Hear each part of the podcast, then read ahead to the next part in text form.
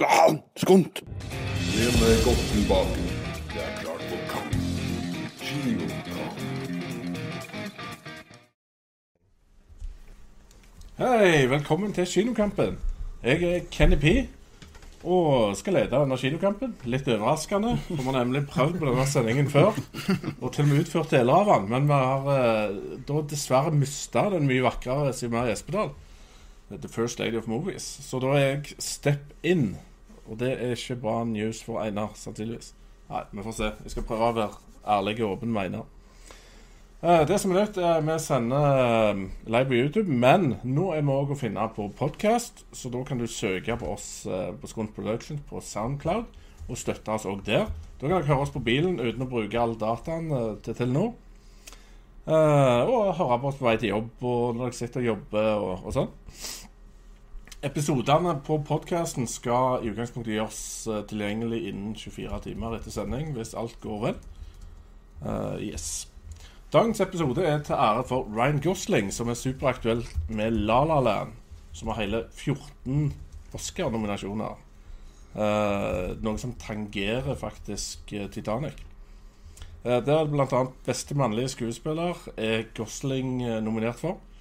Eh, filmen har mulighet til å dunke Titanic ned fra tronen. Den vant tolv Oscar. Det blir spennende å se. Hva er kinokampen for nye seere? Det er en diskusjonskonkurranse med tre deltakere og en gud eller dommer. Uh, Ryan Gosling-spørsmål handler det om i dag, og vinneren uh, kåres basert på kreativitet, humor, pasjon og argumentasjon. Uh, I dag kjører vi fire spørsmål, og til slutt en finale med det som heter Hurtigkampen. Da er det mer sånn små, snappy spørsmål med raske svar. Dagens deltakere, vi har en debutant med oss i dag, har gjort filmanmeldelser for Haugesunds Avis og gjør nå for Kinomagasinet. Så dette er heftig kar. Skikkelig filmbrawler, en av få forsvarere av DC-universet. Ta vel imot Rafael, UiS Filmguy. Takk for det. takk for det. Den andre deltakeren studerer film- og TV-produksjon ved UiS. Digger Snatch og Nice Guys. Har lurt i kulissene på teknisk høgskole en liten stund. Og har nå lært seg alle svakheter til deltakerne og skal lure dem i stry. Her er Magnus Gjertisten. Hei, takk. Mannen å slå i dag er en mann som trenger null introduksjon. Det er rutine, sjarm og dødelig presisjon i argumenteringen. Einar Eitisman. I'm back, people.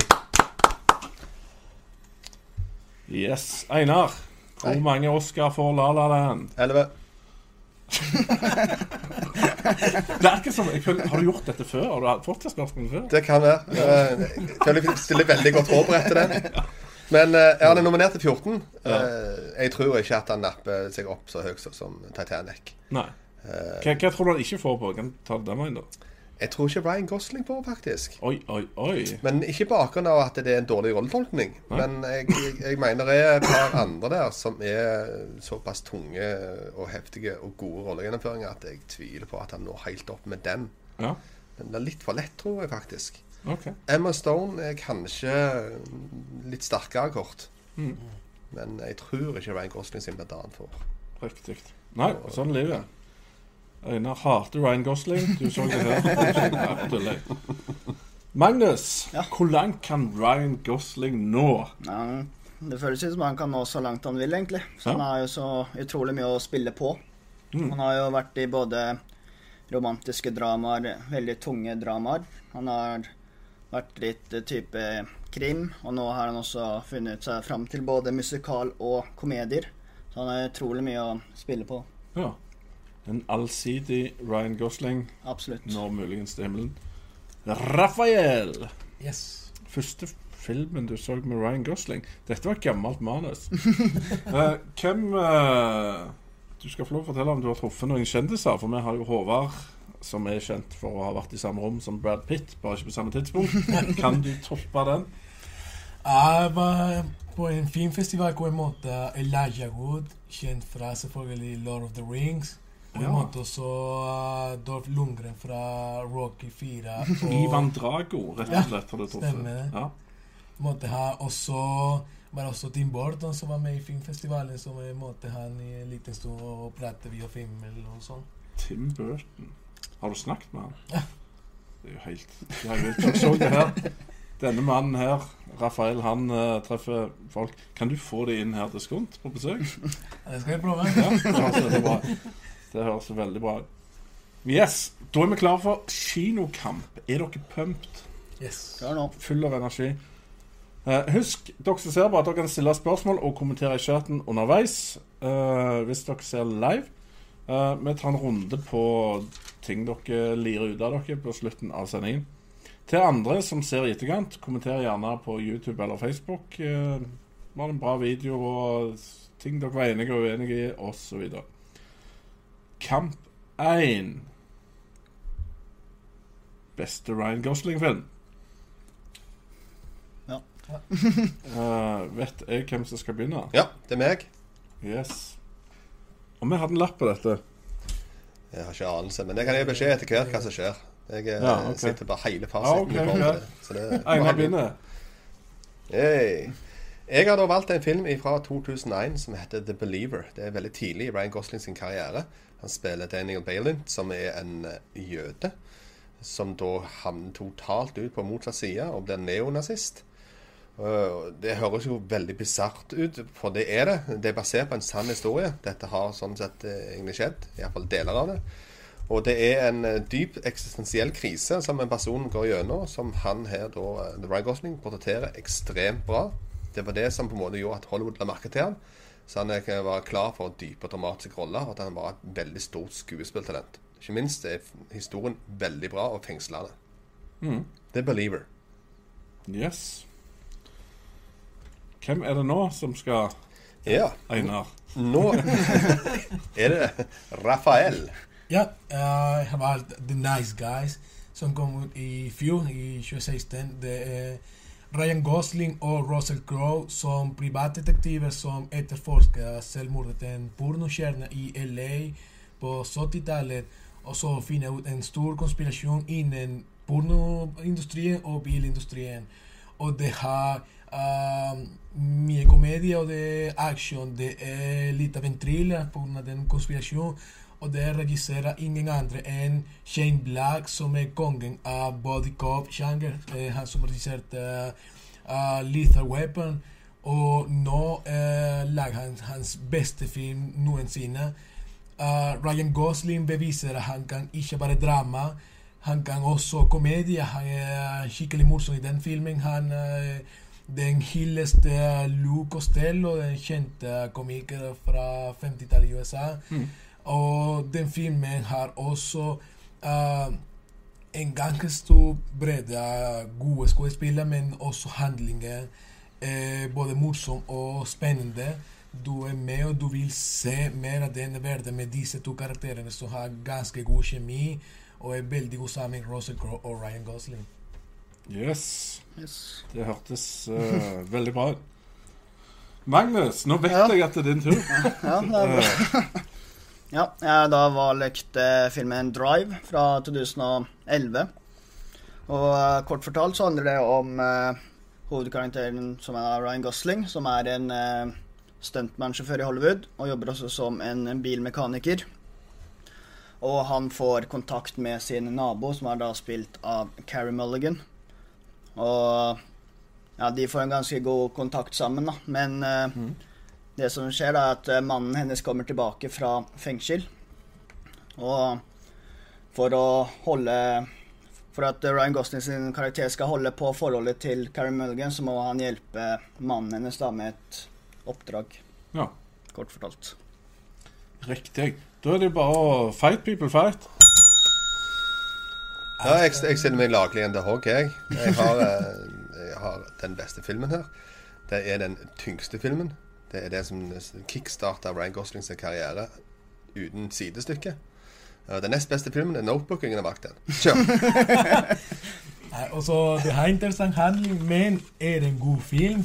Og så Det har ikke en uh, minnelig soundtrack. Det har ikke noe god med fotografi som er minneverdig. Det er bare historie Men også, Det er bare et spørsmål om hvorfor en jøde vil bli en uh, neonazist, og det får vi ikke noe svar til.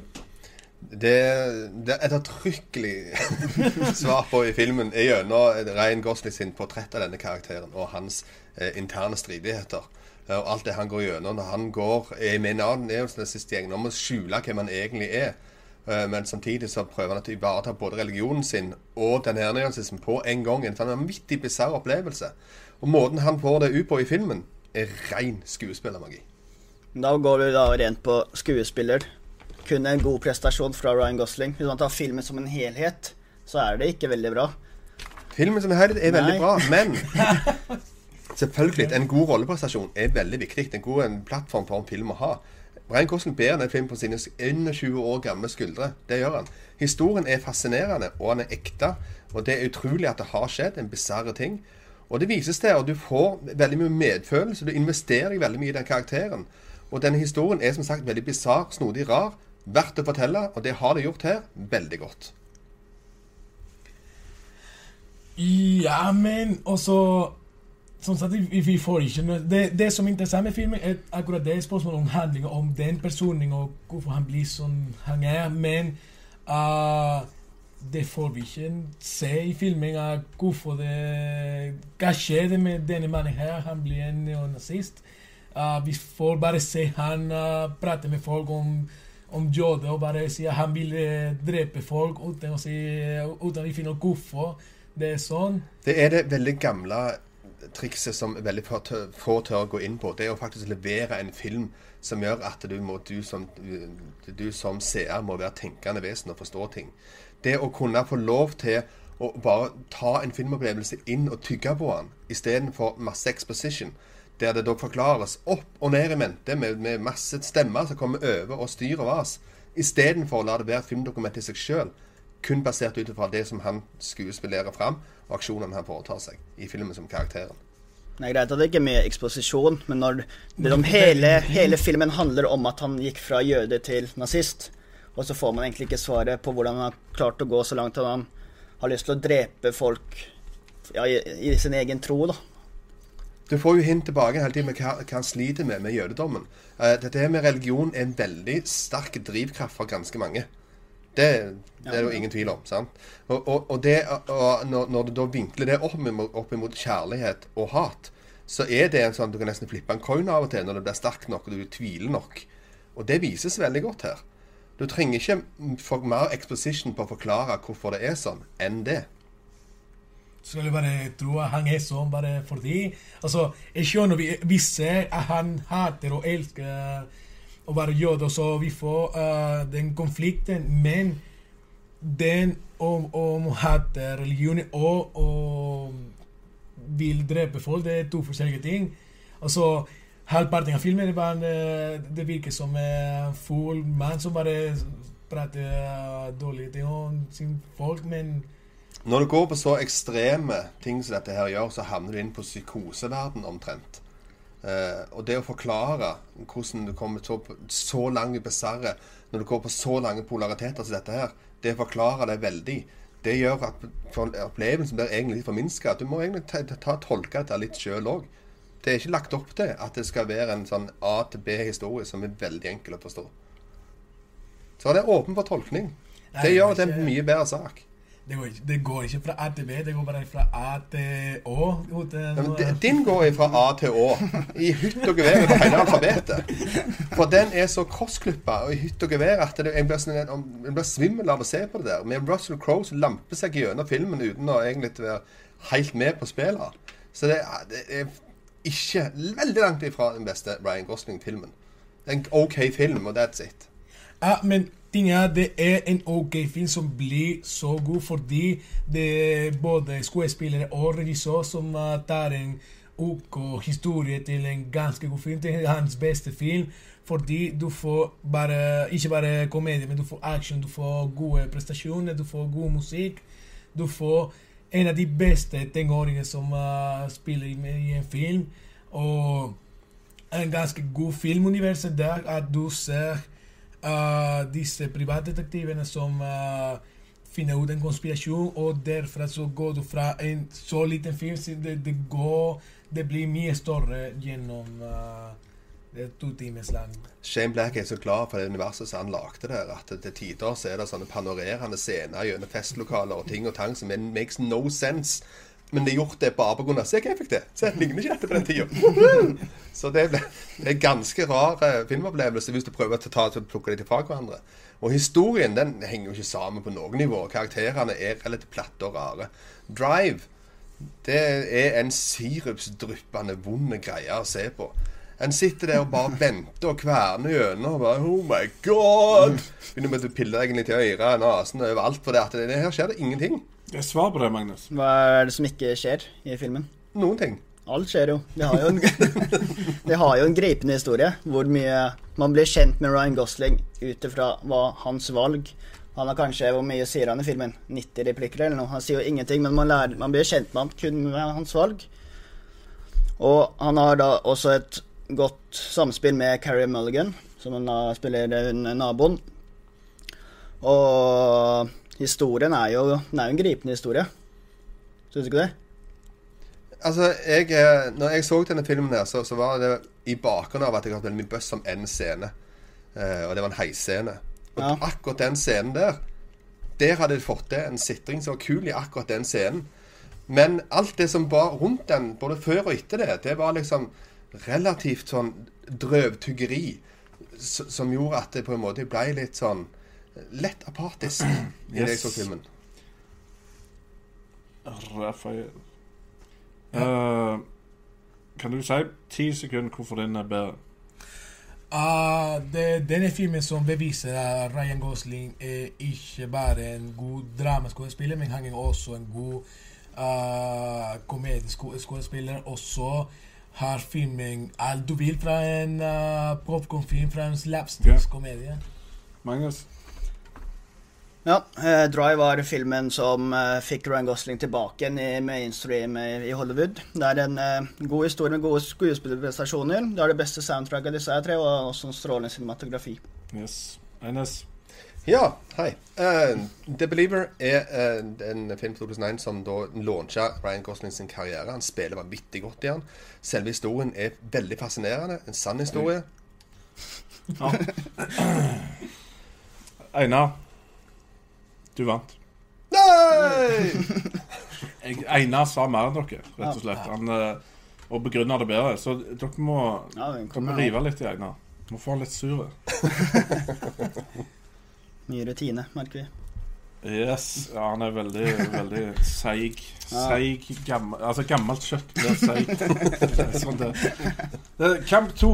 Hvilken franchise trenger Gosling mest? Og da tenker vi jo på at det er sikkert noen franchiser der som kunne fått litt uh, Gosling-kjøtt. Mye kjøttsnakk, jeg merker. Uh, Einar, hvem er først? Jeg- Rafael. Start ballet. Uh, jeg valgte Universal sin Monster-universet. Ah, de har annonsert uh, en ny The Mummy-film som kommer i år, med Tom Cruise i hovedrolle. Og så skal de bygge opp en ny univers for å konkurrere mot Marvel og DC med sine gamle monstre som uh, The Wolfman, The Invisible Man. Og de har fått med seg annet ah, Johnny Depp og Javier Bardem i to av rollene. Og de trenger ja, det som er i motsetning til Marvel eller DC. De er allerede etablert som et univers, men her får vi en helt ny univers som trenger en god og karismatisk skuespiller som Ryan Gosling. Han uh, kan gjøre dramarolle eller uh, komediske roller. Vi trenger en ny, kjent fjes i et, dette universet. Kult. Hva er universet heter? Ja, og uh, eh, Ja. Eh, så jeg egner for angst, fordi at eh, bordet vårt er veldig følsomt for lyd. Ja, det er, Ja. Ja. stemmer. Bordet fanger opp lyd. Ja. Sånn er det lett om det. Vi må være forsiktige med Ja. ikke, Vi skal gjøre noe med det. yes. Og så, hvem var det der? Magnus. Du- Magnus? Ja, jeg har da valgt ja, Spørsmålet er jo da hvem som trenger Ryan Gosling mest, og vi kan vel alle være enige om hva DC har gjort disse, denne sommeren her, egentlig. De har jo klart å ødelegge hele universet på, i løpet av to filmer. Jo, det har de. og det de trenger, da, de ønsker da å ta igjen Marvel. Og jeg tror det er da Ryan Gosling som kan være løsningen på det. Yes. Magnus går for DC. Yes. Så var det Eines. Det er en uh, liten bilfilmting som har holdt på i mange år, som heter Fast and the Furious. og der tror jeg det hadde Bård trengt en som Ryan Gosling til å komme inn og så virkelig egentlig bare avslutte den franchisen. Eh, for det er en som bare kan ta seg, nappe til seg alle damene og kjøre vekk med dem, så er det nå han. Han har vist han kan kjøre drive. eh, Han har vist han kan gjøre alt det sammen som damer liker i alle andre filmer. Eh, Så da hadde måte resta den casen om hvor hun ble av, og hvor alle ble av. Og så hadde alle sittet på stranda og røykt og bare hatt det kjipt etterpå. Og Ryan Gosling fikk damene og stakk hjem. Fast and Furious. Riktig. Mye hat i, i Da er det bare å slippe den løs, folkens, og ta, også, ta den Ja. helt ut nå.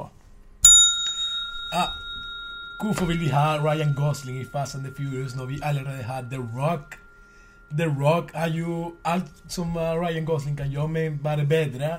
Han er jo karismatisk, han er, har muskler, han, bare, han er jo uh, actionmannen, og han uh, Det er jo liksom det, altså Fast and Furious er fulgt opp av sånn steroide muskelbak som bare går og dundrer på hverandre og ingen får vondt noen gang. Dette her er mye kulere å ha en sånn liten sånn Don Juan som Ryan Gosling kommer inn med sin skjerm og bare stikker av med Skal han da bli en ny Paul Walker, da, Det er det du tenker? Eller? Nei, nei, nei, han skal komme inn og bare stjele alle damene, stikke av og legge ned. Han skal ikke bli den nye Paul Walker. Nei, det er en helt annen ting. Nå, altså, jeg jeg, jeg syns det er veldig kule franchise med den Universal Monster Series-film.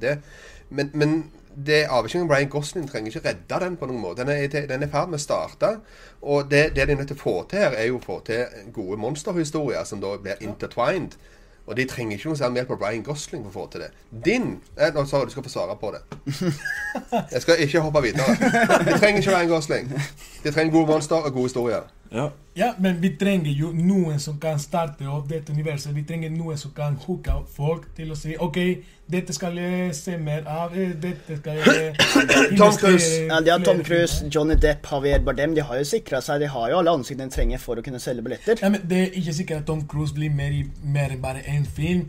Og Tom Cruise er ikke den beste for å tjene penger akkurat nå. Hans siste actionfilm er både Mission Impossible og Age of Tomorrow. Tjente ikke så mye Age penger of Tomorrow er jo klassefilm. Ja, det er det. Det er en god film, men det tjente så lite penger. Det, det gikk ingenting. De måtte endre navnet på det på Blu-ray-utgave fordi folk var helt forvirret for akkurat hva film var for noe. Så uh, Ryan Gosling var en mann som kan få folk og penger til dette universet fra starten. Um, når det gjelder Fast and the Furious, så syns jeg at dette De trenger ikke flere. Nei, og så dette franchisen er jo bare um, mann og musle og bil. De, de trenger ikke De trenger for å ikke gjøre det til å være det. Ja, men det er Det er allerede det som er greia. Det å få noe nytt inn som gjør at det ikke er det lenger. ja, Nå er det det bare en gjeng som sitter på stranden og røyker hasj og syns synd på seg sjøl. Er- For Ryan Gosling stukket med alt som var noe. Nei, men DC-universet også Ja. Hvilken rolle vil han ha? Fordi det, det Jeg tenker at han skal Først så tenkte jeg at han kunne gå inn eh, Robin slash Nightwing-rolle. Men så har de drept han da offscreen, sånn helt ut av det blå. Hey! Så, så da bestemte meg for at han kunne passe inn til en Green Lantern. For da kan de få inn De kan revitalisere hele DC-universet og en karakter som de har ødelagt med Ryan Reynolds for sånn seks år siden eller noe. Så han kan være med å redde både hele franchisen og en ny karakter. Jeg kan si en ting om det DC-universet Ja. og alt det de har på en måte gjort de siste årene. Det de har sikra seg og hatt veldig bra på, det er castingsida. Det har fungert. Det, har, det klarer de. De er gode på det.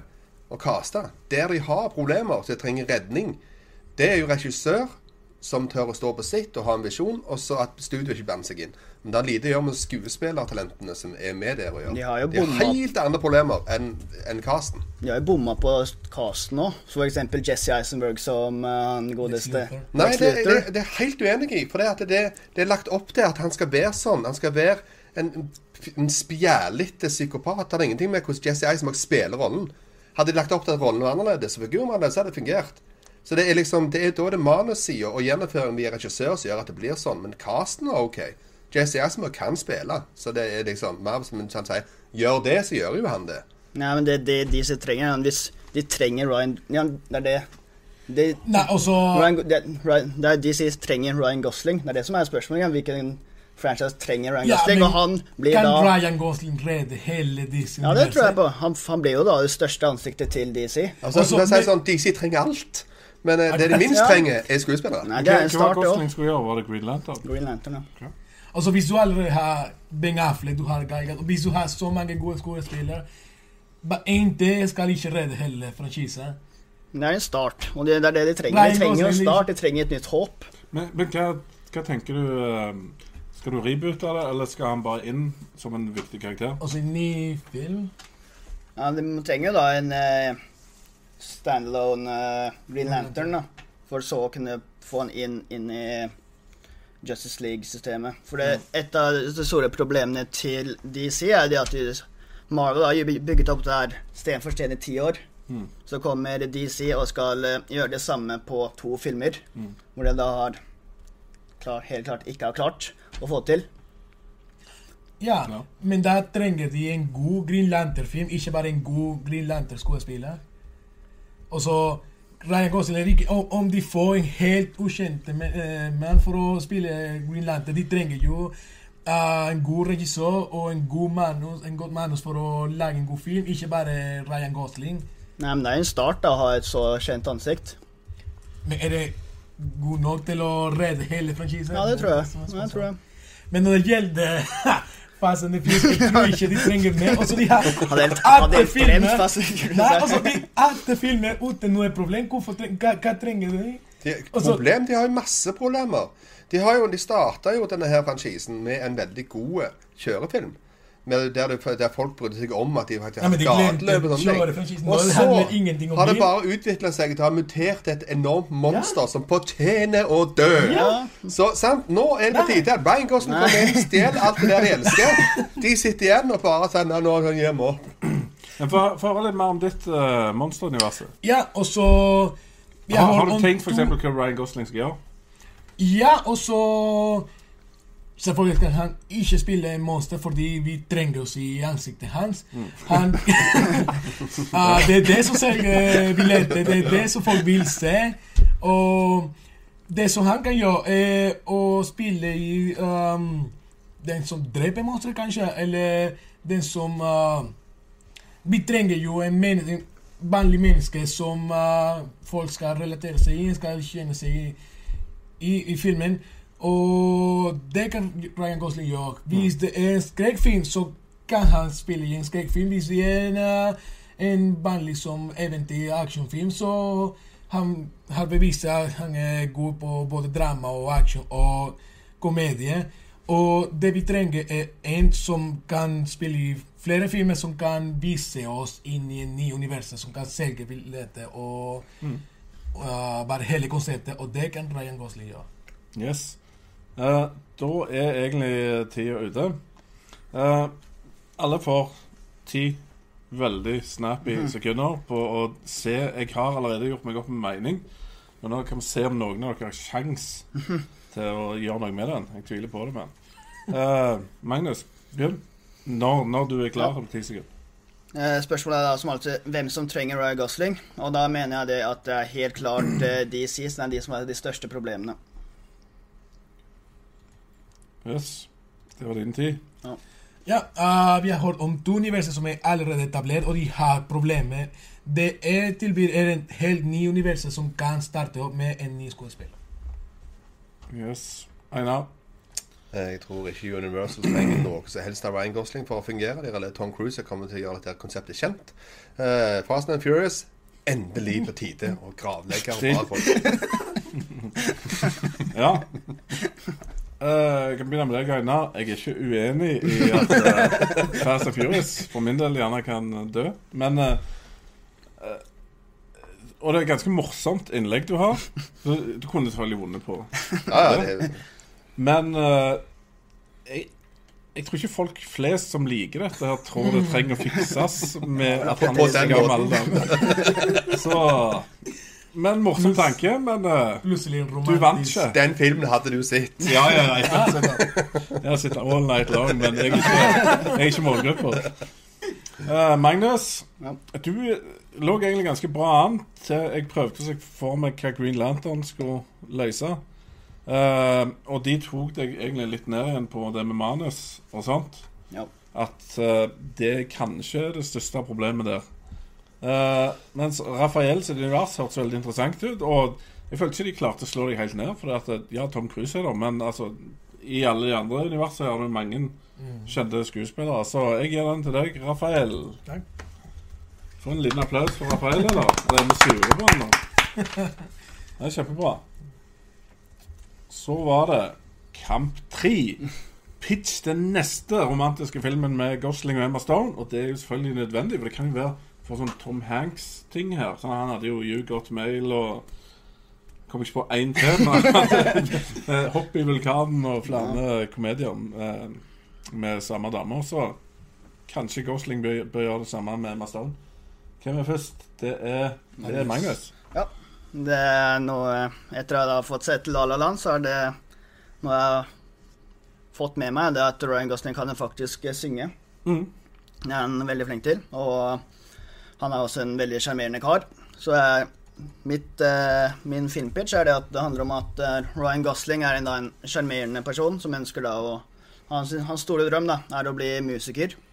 Men hans store problem er at han har sceneskrekk. Ja. Som da blir en liten eh, mismatch der. Eh, en kveld så skal han prøve å synge på en eh, pub, og så øver han litt utafor, da, hvor Emma Stone overhører han. Eh, når han skal fremføre foran folket, så klarer han ikke, så da bare løper han av scenen. Og så setter han seg i baren, og utover kvelden så kommer eh, Emma Stone til han, og de begynner å snakke sammen, og de får en god kontakt. Og Emma Stone hjelper han da med å få bort sceneskrekken. Riktig. Eh, det hun da også gjør, er at han melder hun melder han på en sangkonkurranse.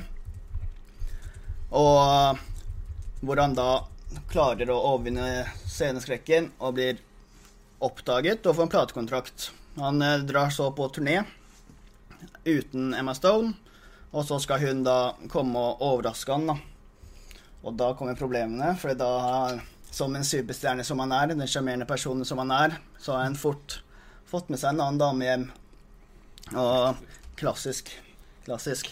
Klassisk. Og da må han da prøve å Og det som skjer da, at de forlater jo hverandre, og han finner ut at det er jo Emma Stone som gjør at han klarer å holde seg så rolig på scenen, at han klarer å være den superstjernen på scenen. da. Mm. Og da må han finne ut hvordan han skal vinne henne tilbake. Riktig. The Singer. The Singer. Yes. Det må han skrive ned. Yes. Får vi håpe ingen stjeler ideen din og lager den uten å gi deg en krone. Patent på den. Og så var det 80's Man. Skal du gjenskape en 80-tallsklassiker her nå? Nei, jeg skal ikke gjenskape, jeg skal lage noe helt nytt. Men eh, filmen begynner i det herrens år 1987. yeah, baby. Det er året der eh, George Michael kom ut med sitt soloalbum, Faith. Så dermed så heter da filmen òg Faith. Og eh, handler om George Michael. Eh, og det ene, eneste meningsfulle forholdet han har hatt til ei dame. Eh, som da i dette tilfellet ble, da bli Emma Stone, som da var sminkør eh, hos MTV. Det er hun som da er i videoen i sammen med George Michael i Want Your Sex. Han hadde et relativt langt forhold med hun Og der han hadde en viss følelsesmessig tilknytning. Men han var jo homofil, så det her var veldig sånn konfliktfullt. Eh, og det var mye heite følelser på hennes side. Ikke så mye på hans side, men det viser seg etter hvert. Og så det, det som er greia her, at du, du går inn på dette her med, med, med homofili og heterofili og balansen mellom der, og det her med å takle det eh, og akseptere at noen har den legningen de har. eh, Det å gå videre etter dette her. Så det, du havner i en situasjon Nå skal ikke jeg begynne å spoile andre filmer, eh, men du havner i situ ja, eh, du havner i en situasjon der, der, eh, der du har et utfall som ikke nødvendigvis er lykkelig, men bittersøt. Sånn at du får på en måte en OK endelse til slutt. Eh, men da er det på, på hver sin sti eh, videre, men da som venner. Og du har gått gjennom en god del av problemet rundt heterofili og homofili. ja. Da vet jo alle at din film blir aldri lagd, for du har allerede spoila den, så ingen vil ta i den. Men, Men sånn er det. Den er flott. Så var det Rafael. Yes. Vi vet at Hollywood er forelsket i å lage remake, så jeg skal foreslå tidenes beste uh, remake, og det er selvfølgelig Casablanca. Det er tidenes romantiske film, og det er jo uh, best uh, duoen i filmen noensinne. Det var selvfølgelig uh, Humphrey Bogart og Ingrid Bergman i Casablanca. Nå er det Ryan Gosling og Emma Stone. Og de skal spille hovedrollen i den, den filmen her, som handler om uh, andre verdenskrig og folk som uh, prøver å flytte til USA gjennom Casablanca i Marokko. Og uh, Ingrid Bergman prøver å komme seg ut av, uh, av landet, men det er nazisten som er etter henne og hennes mann. Og det er jo en romantisk film, men uh, det er alt som er avhengig av kjemien mellom disse to karakterene. Og det er selvfølgelig Ryan Gosling og Emma Stone som er veldig god sammen, uh, som vi har sett i La La Land og Crazy Stupid Love. Og det Ja, det er bare avhengig av kjemi og Mm. romantikk. Kjempebra. Det var jo det var en ganske episk kamp, dette, kjenner jeg. Jeg gleder meg til å høre.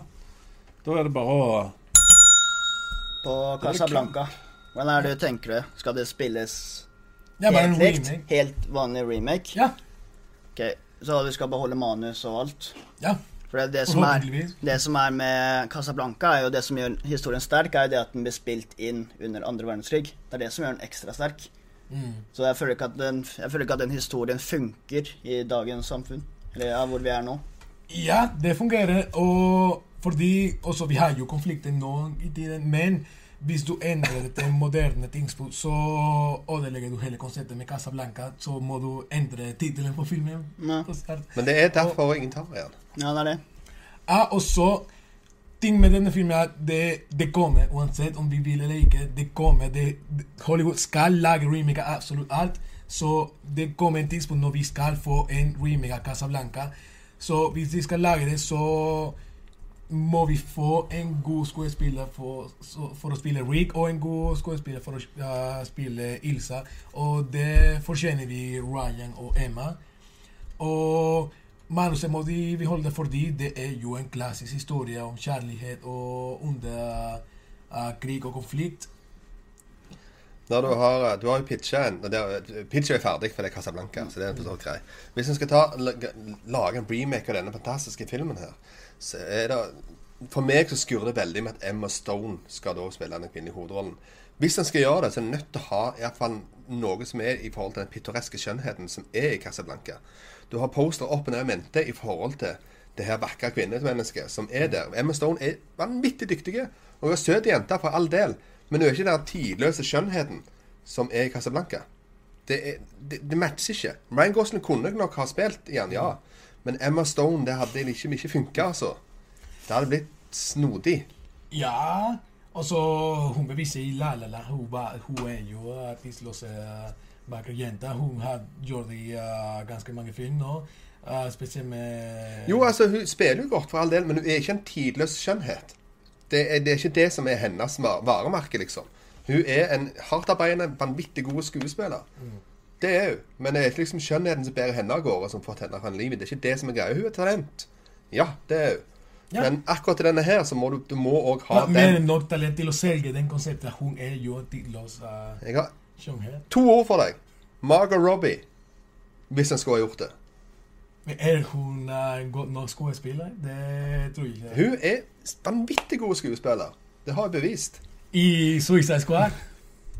Mm, Ja, det er ikke nødvendigvis Suicide Squad.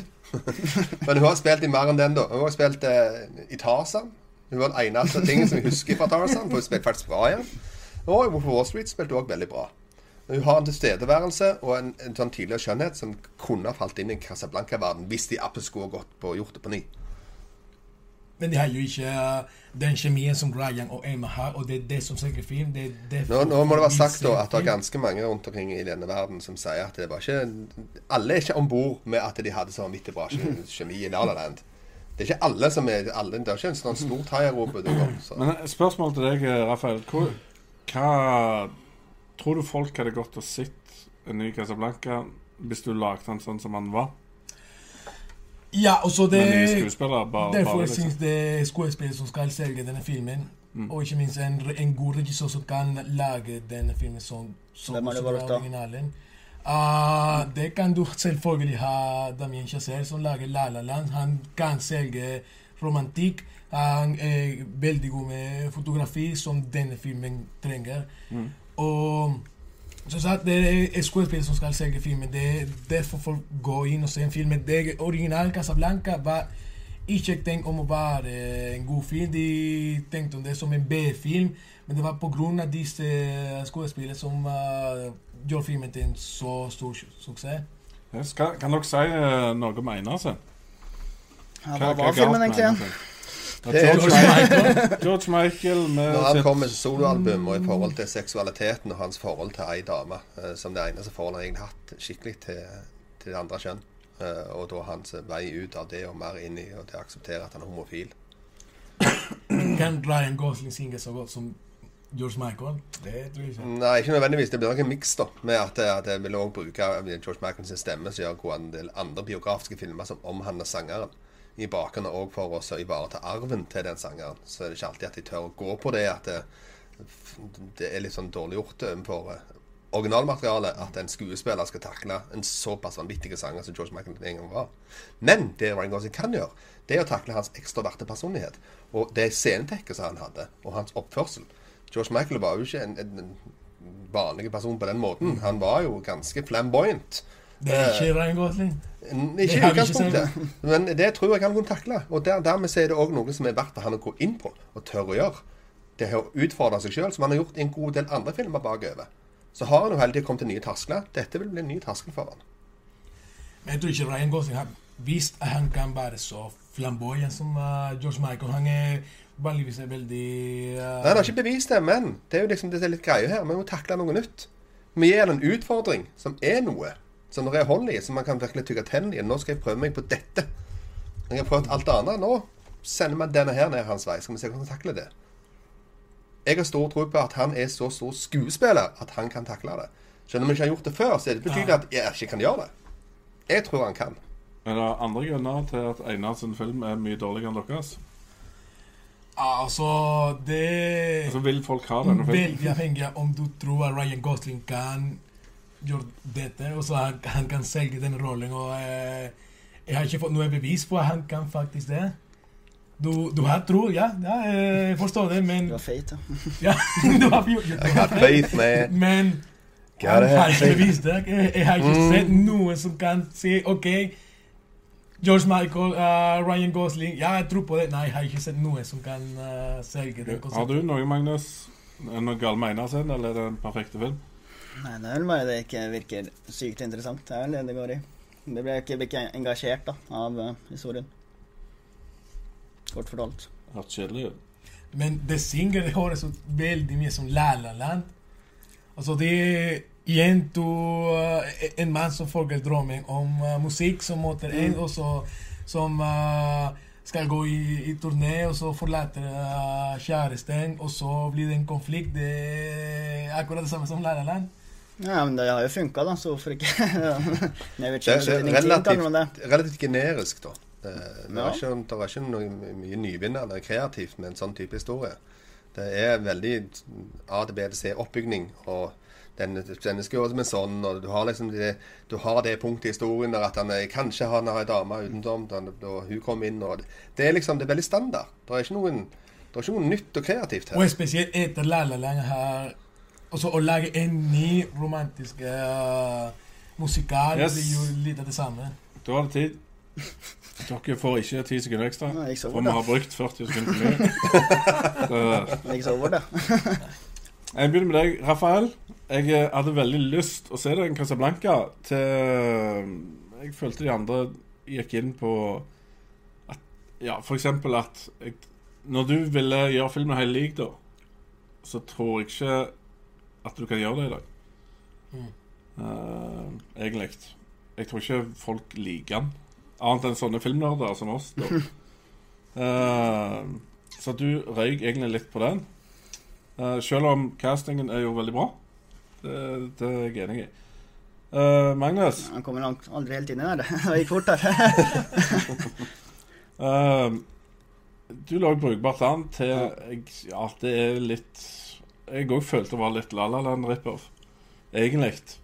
Uh, dere klarte ikke helt å slå ned Einar sin, dessverre. Eh, selv om jeg hang meg opp i det eneste me meningsfulle forholdet med ei dame. Hadde han ikke mor, liksom? Ja, det, det er på en annen måte, da. Ja, ja. Det- Men du vet, det, det hadde du tatt meg òg på. Uh, yes. Du prøvde å ta han ned på at eh, han ikke har bevist at han kan gjøre en sånn rolle. Eh, det syns jeg ikke er godt nok argument til å stoppe han, fordi at det er en god skuespiller, og de må prøve sånne ting. Og ja, du kan ikke bevise det, men jeg vil anta han gjør det bra, for han er en god skuespiller. Så Einar får poenget. Hey! Sånn, jeg, jeg vil faktisk se den filmen. Den var litt interessant, faktisk. I hvert fall i forhold til de her tre, så var den faktisk ikke så verst. Yes, Da er det siste spørsmål. Da er det Da henger du i en tråd, Magnus. Ja, det er du- eh, Jeg må det. Nå må du dra fram brysthåret og på en måte do your thing. Ja, så gjør det. Kamp fire. Hva bør være Goslings neste film på vei mot toppen? Og Gå ut ifra dere ikke sier samme filmen som sist. Nei, får se. Da begynner vi med To sekunder. Nei, ingen. det er meg. Vi begynner med deg, Einar 80's Man. Yes. Jeg har valgt 007. James Bond. Okay. Det her blir magisk. Eh, det, tenk deg en så god skuespiller som Ryan Gosling faktisk er. Han har utseendet som det ljomete, han har kroppen som det ljomete, han har dametekke. Eh, han har også vist han kan takle både humor og action. Alt. Ne, det som gjenstår, er å se om han takler den britiske aksenten. Jeg tror han tar, tar den på strak arm. Det er visse skuespillere som har nok i seg til at de klarer å takle den britiske aksenten òg. Nå skal det jo komme en ny James Bond straks. For det at Dan Daniel Craig legger jo opp. Han legger fotballsko på hullet og sier nok er nok. Nok James Bond. Så nå er det på tide med Ryan Gosling Bond. Det tror jeg har tatt helt av. Bond. Liker at du prøvde å bygge opp litt mer engasjement der. For alle strøk. Yes, who's next? Og der fikk jeg svar på Ira at det var Magnus. Yes. Eh, den er vant nest, Det jeg tenker det skal være Ryan Gosling sitt neste prosjekt da, for å komme opp på den øverste hyllen, er det et samarbeid med regissøren Paul Thomas Anderson. Som da skal være en dramafilm sammen med Carrie Mulligan, som da får sine fra Drive. Så de får et nytt samspill der. Og det Paul Thomas Anderson er, da, han er en mester da på å bygge opp eh, karakterer man virkelig bryr seg om. Han har en meget god dialog. Han er eh, flink til å bytte mellom manus og stillhet, noe Ryan Gosling er eh, meget god på. Ja, meget god på begge deler. Og eh, Paul Thomas Anderson får jo alltid ekstremt gode skuespillprestasjoner ut fra sine filmer. Som for eksempel Han fikk, han fikk Adam Sandler til å virke bra i Punch Drunk Love, så det er vel egentlig fasit nok, det.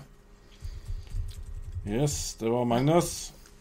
Så ganske sikker på at det er Rafaelsen tur. Ja, jeg har valgt Green Lantern.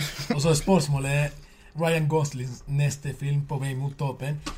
Han er jo en utrolig god, eh, god skuespiller, men han er ikke super, superstjerne ennå. Han trenger en franchise. Han trenger en rolle som kan eh, selge bare billetter. Han trenger eh, Green Lantern, og Green Lantern trenger en god skuespiller som han. Uh, dette her skal være Jeg annonserer at de tenker å lage uh, Green Lantern som en bodycop-komedie. Og da trenger vi Ryan Gosling, som beviste han kan denne type rolle i uh, The Nice Guys. Og vi trenger, hvis han får en regissør som Shane Black, som kan dette type film, så får vi en strålende uh, rolle for Ryan Gosling. Strålende rolle for eh, Ryan Gosling. Det høres flott ut. Da er det bare Fight People. Ja, Problemet ditt da, Rafael, er jo det samme som eh, mitt var. DC. Det er altfor mye problemer. Det er ikke Ja, nå kan, jeg endelig argumentere mot det. Nei, det hjelper ikke å være en god skuespiller. Når eh, folk trekker seg Nei, ja, Regissører trekker seg fra rollene. De, produsentene har altfor mye å si. De skal bare få det fortest mulig ut uten å tenke på faktisk kvalitet. det som er problemet, er ikke bare produsenter, men manus. Vi- vi- Hvis de får et, godt manus, så uh, blir det ikke noe problem med produsenter. de prøvde. De fikk ikke godt nok ah, manus med enten Batman v Superman eller Suicide Squad. Så produsenter eller ikke, så fikk de ikke noe god historie. Men her, hvis vi får Shane Black med, så er han i tillegg til å være en god regissør, så har han også en god manusforfatter. Han har bevist det med The Nice Guys.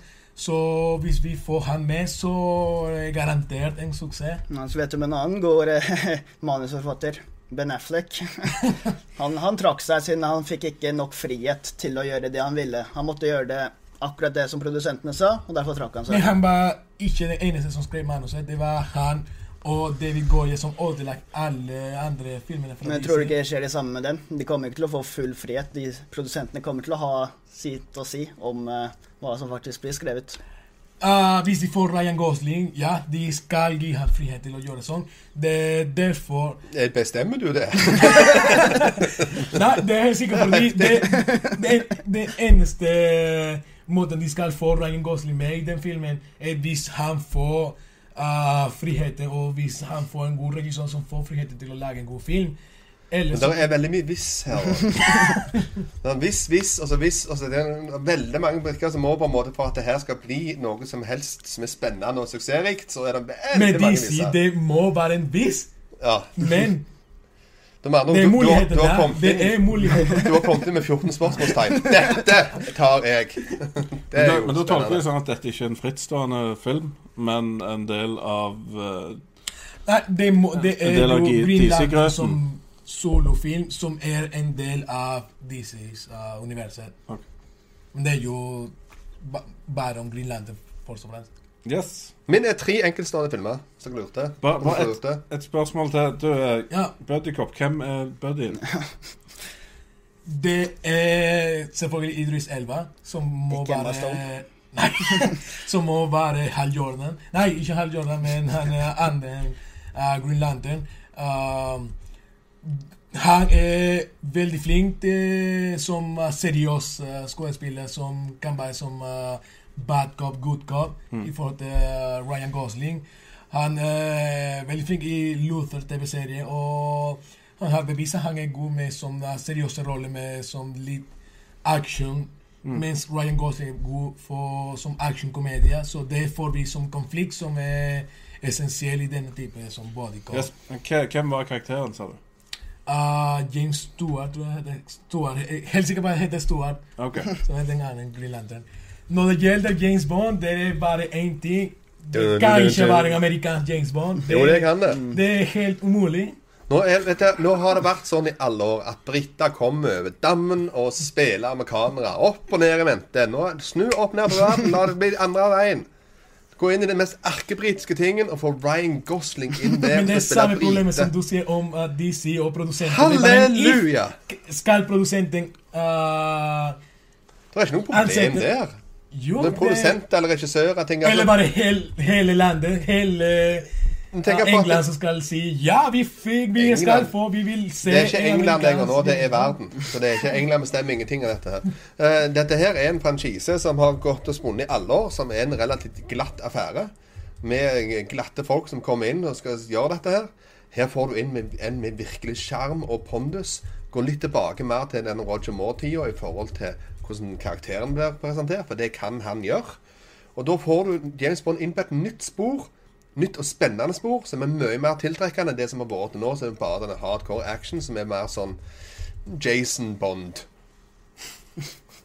altså Og så er enig at han virker som den type James Bond men det er uansett problemet om Kan de få til en amerikansk skuespiller som James Bond? Skal du ha det kortet, Skal produsenter si ja til dette her? Skal studio si ja til dette her? Skal du ha kortet svaret? Si ja. Hvorfor? For det igjen, eh, han har vist i veldig mange filmer han eh, kan både aksenter, og han kan være en veldig god, dyktig skuespiller. Eh, han har kroppen og skjermen. Han har absolutt alle ting som skal til for å bli en veldig god James Bond. Så jeg tror det. Få høre det med din, Magnus. Ja, eh, min film skal eh, da handle om eh, Ryan Gosling og Keri Mulgan. De er da et eh, kjærestepar som sliter med dop, begge to. Eh, Ryan Gosling sin karakter prøver å komme seg ut av det, mens eh, Carrie Mulgans karakter det, klarer ikke å komme ut av det. Så han, hans dilemma da, blir jo det om han burde forlate Han burde jo egentlig forlate henne for å komme ut selv, men han elsker henne, og for å komme ut så må han egentlig hjelpe henne òg. Så blir det hvilket valg skal han ta, da. Og det, dette blir da en klassisk eh, mye karakterbygging da, som Paul Thomas Anderson er god på. Vi har sett det i eh, Boogie Nights, eh, Magnolia, The Ruby Blood, The Master, eksempel. Eh, det er det god kjemi allerede mellom eh, Carrie Mulligan og eh, Ryan Gosling, og ja, jeg, tror dette er eh, Kjapt spørsmål. Er ikke dette her eh, Er ikke spilt i noe sånt før som heter Blue Valentine? Nei, ikke noe med Det er et par som sliter, da, men jeg fortsatt, hva med det? Nei, altså det, på, I måten dynamikken i den filmen høres ut som, så høres det ut som det går inn på veldig mye lignende det samme som er Blue Valentine-filmen. Ja, Det er godt mulig, det, men hvor mange filmer er det som er eh, helt unik og i forhold til den andre? Nei, det er jo sant nok, men i forhold til kanskje nye spennende ting på vei mot toppen, tenker jeg at Som det James Bond. Helt nytt film. Nei, det er ikke nytt, men det er på vei mot toppen. Det er, det, du- du sementerer jo din eh, stjerne i himmelen for alltid hvis det har vært James Bond. Det er det ingen som helst tvil om. Da er jo verdenskjent navn i, i bakgrunnen av at det har vært James Bond. Eh, Det er en ikke med en eh, relativt melodramatisk eh, liten affære mellom to stykker som sliter med stoff. Det er ikke det som virkelig får deg opp i stjernehimmelen, i alle fall. Yes, Da får jeg ti sekunder hver til å si noe helt revolusjonerende før jeg konkluderer. Uh, kan begynne beines. My name is Bond. James Bond. Levert av Ryan Gosling i perfekt stil. Den, det, jeg kan ikke sitte for meg noe som er mer sjarmerende og bedre å ha som James Bond i Roger Moores stil enn Ryan Gosling. Den redda franchisen. Rafael. Ja, uh, spørsmålet neste rolle på vei mot toppen, og det må være en franchise. Og hvis det er en franchise som Ryan Gosling er god på, er det en bodycop-komedie, og det er Green Lantern.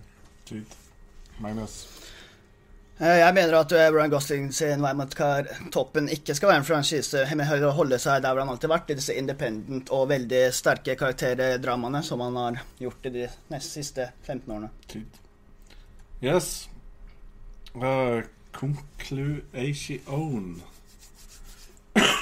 Einar. Hei, meg. Britisk aksent, ja. Ingen uh, Ja. Siste problemet mitt med Bonden, det er at eh, jeg føler ikke det er et steg opp for han, egentlig. Uh, og Nei, Det kan være, men det er et steg høyere enn disse her to. i tillegg til at uh, mange av de som har på den, egentlig går nedover etterpå. Så you didn't win this one. Rafael, Green Lantern, tror jeg er en av de superheltene som høres kjedeligst ut i hele verden for meg. Jeg vet ingenting om han. Eh, Han er grønn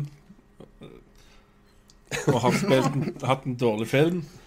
Uh, Buddy Cop Shane Black igjen, hørtes kult ut. Gir han et manus av Shane Black, som kan skrive. Det hørtes interessant ut. Uh, for å få litt spenning nå, så hopper jeg deg òg, Magnus. Uh, ja. Det, jeg følte egentlig at du ville lage litt de filmene som han lagde før. Eller som han har bygd seg opp på. Ja.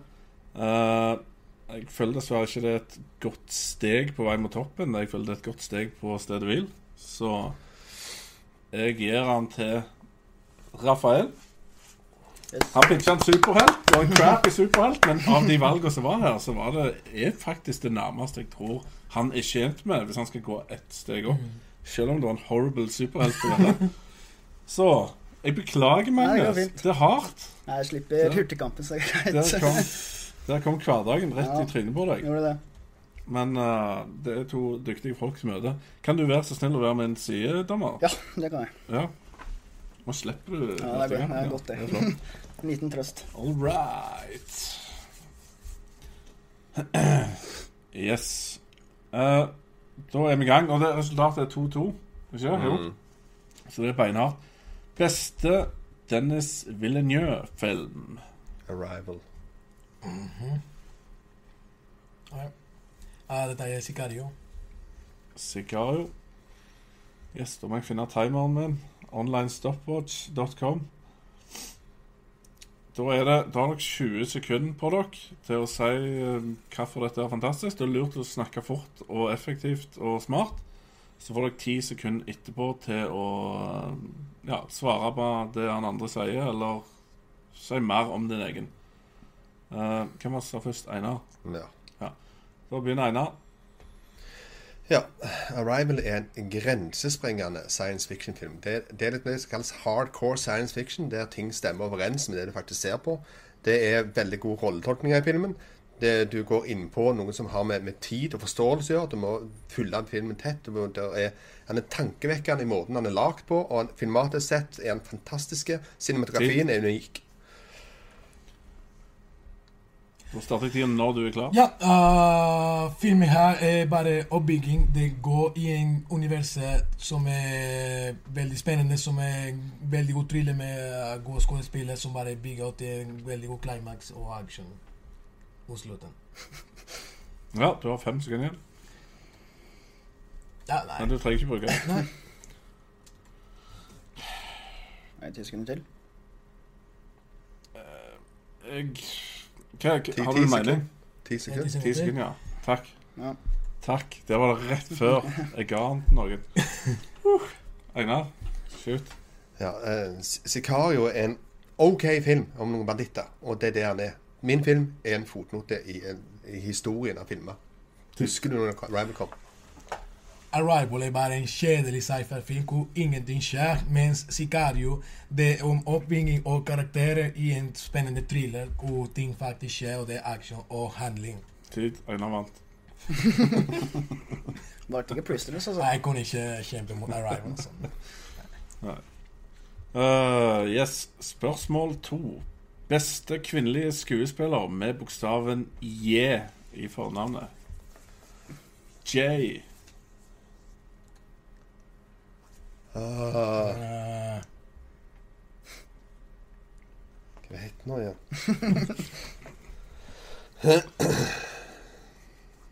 Hei. Jennifer Lawrence.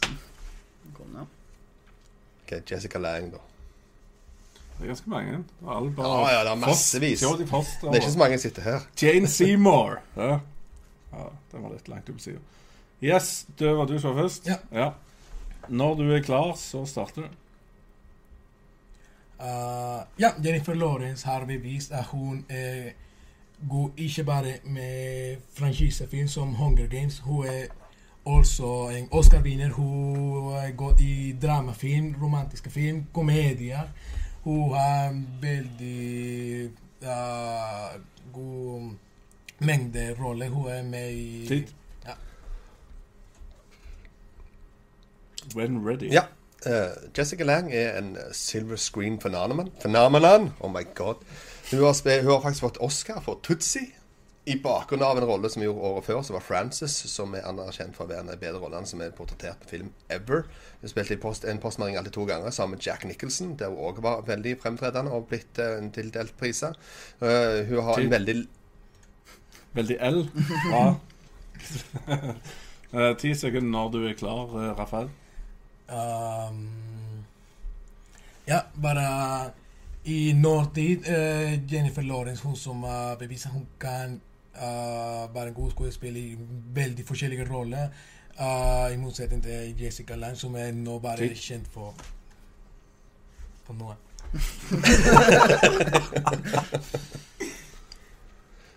Jennifer Lawrence er en uh, unge skuespiller som har gjort uh, en del lette roller i franchisefilmer. Hun har et par på dramatapeten, men hun har et veldig langt med lerret igjen å male. uh, og kan ikke måle seg med Jessica Land. Har du en mening? Jeg mener det med Rafael. Ja, jeg er enig. Rafael. You're the man! Man with a plan. Da er det 3-3. Det er jevnt i kinokampen. Hva blir årets Logan. beste superheltfilm? Logan. Ok, det viste på skjermen, ja. det er episk. Yes. Hva faen blir annet best, Einar? Det er ikke annet best. han er veldig glad i Logan, tydeligvis, men jeg har null tro på denne møkken. Jeg sier Wonder Woman. Yes. When ready. Ja. Uh, Logan det blir siste film med Hugh Jackman i hovedrollen, og denne eh, blir en R-rated film med den type vold som vi fikk ikke i de forrige filmene. Og det blir nå en slags western som uh, er noe vi har aldri sett for i en uh, superheltfilm. Um, I tillegg er det bare Tid. I tillegg Ja. Gal Gadot som da Wonder Woman. Hun gjorde sitt inntog i uh, den her kjekke Supermann-filmen som jeg sa tidligere. Hun er den som folk, sitter i, i, som folk husker ifra det. Kun med et par scener, for det at det var magen som Wonder Woman var det. Og vi har sett trailer for den filmen som kommer. Den ser vanvittig bra ut. På en måte den er lagd på, i action med E-en. Og hun ser fantastisk ut. Da kan du velge å si om hans eller din. Det gjør du så vel. Bare to bokstaver. DC. Det er fremdeles en DC-film. Og det er fremdeles produsent DC uh, og Warner Brothers som uh, bestemmer hva som vi skal se i filmen. Uansett om hvor bra trailerne ser ut. Det, ja. Ja, det er andre elementer på plass her som gjør at dette her tror jeg blir en meget bra film. Sjøl til tross for at det er DC. Logan har vi sett nok av. Han er over the hill. Det blir ei gammel trøttsuppe. Ja, jeg har en mening. Har du? Nei, du tar den, du. Yes. Jeg uh, må ta det på en kombinasjon av argumentasjon og hva som jeg syns ble solgt best inn. Og you had me at R-rated, Rafael. Så det ble hans poeng. Og 4-3. Og beinhard kamp. Uh, yes. Spørsmål fire. Du skal se en film med kjæresten din. Disse tre filmene ligger i tilbudsdisken i butikken. Hva faen kjøper du? Moulin Rouge, Le Miserable eller Into the Woods? Le Miserable. Into the woods. Sounds like a hoot.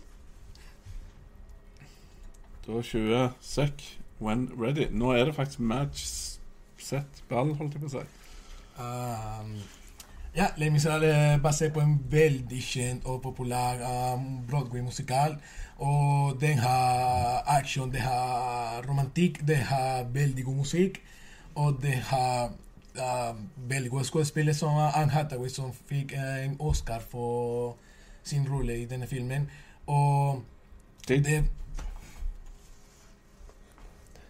Ja, Into the Woods er en veldig koselig liten sak. En musikal der Meryl Streep annet er med. Det, det er en fantastisk eventyrfortelling som er innom veldig mange ting som er blitt portrettert tidligere på eventyr. Så han samler sammen veldig mange tråder. Veldig godt skrudd sammen. Veldig koselig. Du sitter igjen etterpå og har hatt en veldig kjekk, opplevelsesrik kveld med god film. Ti. Ti sekunder om et eller annet, når det passer deg. Ja, hvis vi snakker om beste film, så må de velge selvfølgelig uh, Les Miserables, som er en bedre film. Den har uh, god musikk, og det, uh, det har mobbingen.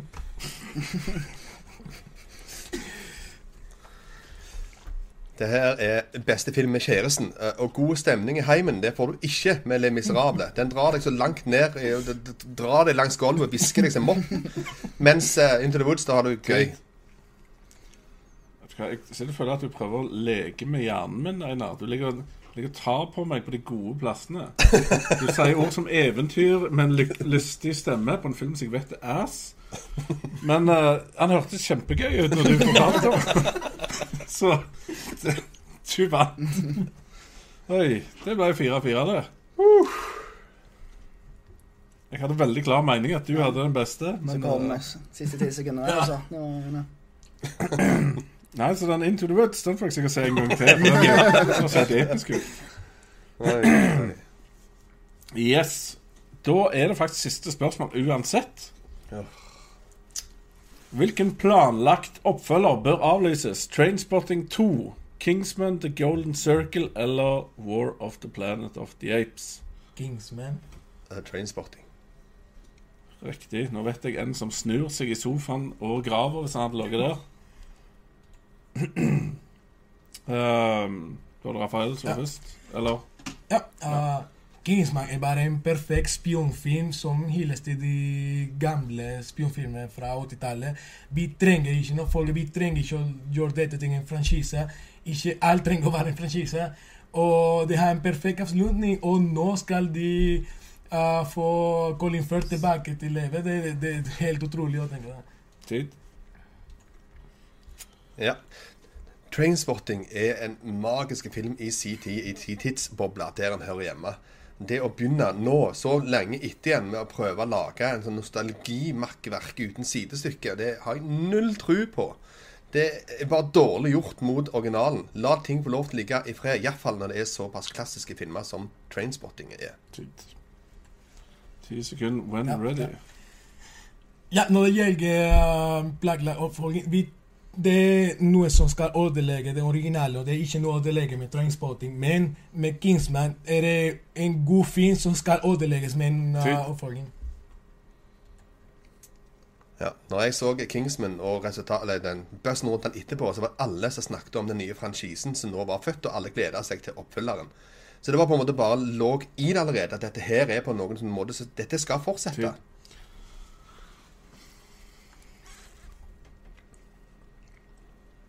Jeg eh, velger å gi dere 20 sekunder til hver. For det var noe jeg ville høre, som ikke kom.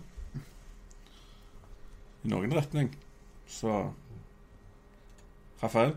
Ja, altså Drinkspot er den type film som kan forestille flere mange og folk fordi det er ikke en veldig god film.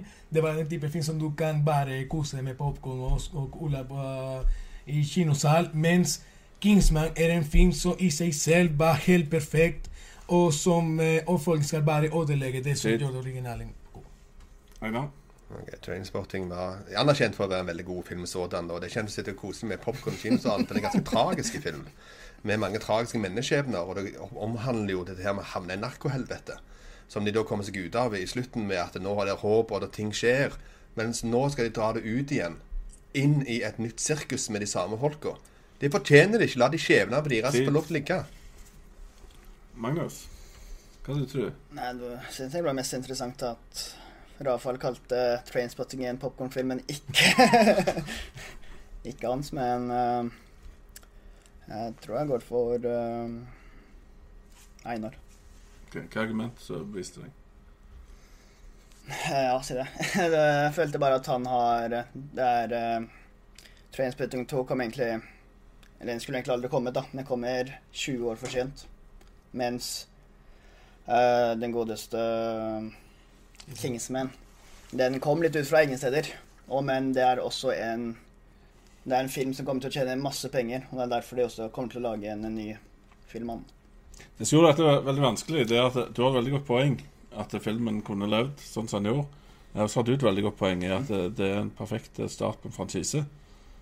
Uh, Ingnar nevnte egentlig at Trainspotting er fra ei bok, og det er flere bøker, så sånn sett helt greit at den fortsetter, men det sa du ikke. Så Einar vant. Hadde du sagt det, så hadde du naila den. Hvis jeg visste så du det Ja, ja, ja. Kan du i dag?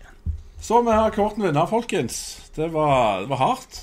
Og sveiten står. Uh, er det noen som har sagt noe? Eh, ja da, vi har hatt folk innom, vi. Vi har hatt eh, både Adam Filmer, Brenna Brumlebass og Ja, til. Unexplained, til tross for masse tekniske problemer. Harald Mæland har også vært inne. Ja. Undrenes tid er ikke forbi, sa han idet vi kom oss i gang. Så eh, det er veldig bra. Ja. Eh, nice guys pluss én fra meg, sa han eh, under den første debatten. Um, Hadde filmer kom inn med at det kanskje er La La Land eller Drive. Men da må vi se La La Land igjen for å være sikker. Ja. Eh, og så kommer det en spørsmål fra Bjørnar Bonnevass. Er Frankenstein and Me eller Gangster Squad den verste Gosling-filmen? Bare sett Gangster Squad, men den var svak. Så Ja. Jeg har òg bare sett den, og den var svak. Så jeg Da, da tror jeg at det er Frankenstein and Me, for den har ingen- gidda gidder engang. Så det- det var avklart den. Eh, Adam Filmer syns at Justice League var trengt en karismatisk fyr, sånn som Gosling. Nei. Ja. Eh, Bjørnar Brumlebass, han ha- ha- ha- hater franchisehelvete. Hollywood han havna. Eh, jeg måtte bare skyte inn til han at det var jeg enig med han i. Eh, men neste Gus- Stone-film burde da vært Fifty Shades of XXX. adult version. Eh, OK. Adam Filmer sier aldri remake en klassiker. En film burde bare ny nyinnspilling hvis den hadde noen bra idé eller en historie, men som mislyktes. Ok, Hvilken annen skuespiller tror dere Ryan Gosling vil være likest om 20 år? Uh, Humphrey Bogart, kanskje? Ja, ser. Mulig, det. Kirk Douglas. Får noen rynker. Så Da må, ja, ja, men da, da må han få seg en ganske godt kakk i, Snakker det vi, går, kan opereres. snakker vi like i utseende, eller like sånn eh, CV? Ja, sier det. Bjørnar Bomle spør da hvilken tidligere skuespiller vil dere sammenligne med dagens Gosling? Så gå tilbake 20 eller 40 år. Er det han som var tilsvarende Gosling da? Det er sånn det Hiv ut noen navn. Det må jo være noen type sånne karakterskuespillere egentlig som var relativt eh, OK i sin tid. Men eh, det er jo det er veldig dypt, tungt, vanskelig spørsmål som vi går inn og sø- undersøker og gjør materien. Og Clint Eastwood. Begge er litt sånn rolige typer. De spiller veldig mye rolige, dramatiske roller. Ja, jeg, jeg kunne Har- sett hvordan gang- kunne gjort de samme rollene. Ja, har du liksom Eastwood. sett Clint Eastwood være entusiastisk noen gang? Er Clint Det- Eastwood en god eh, komisk skuespiller? Nei, det er han ikke. Absolutt ikke. Uh, Paint Your Wagon. Det er musikal. Der uh, Clint? Eastwood synger. Ja. Er det det? Synger han? Ja. Herregud, Det- det, det- må jeg jo se. Vi skulle lagd en 80's-man-show. Det er en av de mest bisarre tingene som har skjedd i Hollywood. Det er Paint Your Wagon. Det har du òg han der Og en, en av de mest knallharde skuespillerne som har vært der noensinne. Jeg husker ikke navnet på han akkurat nå, men han var en sånn type krigsveteran. Ja. Ekte krigsveteran fra andre verdenskrig og sånt. Med, det, med, med en så vanvittige grumlestemme av dimensjoner. Han var med i type sånn styrke 10 på Navarone og sånn.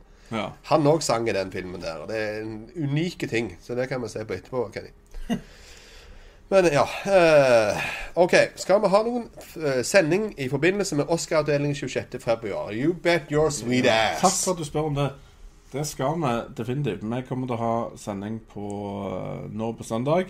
Hvor, hvis jeg ikke husker feil, så er det nå på søndag vi skal tippe Oscar-spørsmål. Nei, Oscar. Tippe Oscar-vinnere.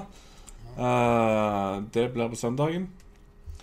Og på selve Oscar Night så kommer vi har planer om å streame live under Oscarsendingen. Så da kan du høre hva vi lirer ut av oss mens du ser på Oscar. Så eh, det var det. Det var alle spørsmål Yes, for, ja. for i dag. Og takk for at dere holdt ut med oss galninger der Ja. alt bare røyk. Jeg så vi mista Frost 85 på veien. Ja, han ga opp. og Håvard. Men uh, vi kan ikke få alt. Nei. Men takk for at dere så på oss og hiv opp noen tomler til tross for tekniske issues. Og ja, del videoene våre. Ta gjerne og Sjekk ut uh, podkast-versjonen eh, om noen dager og se om det fungerer greit. Så ellers er det bare å ha en fin søndagskveld videre. Hei da. Må jeg stoppe ting òg?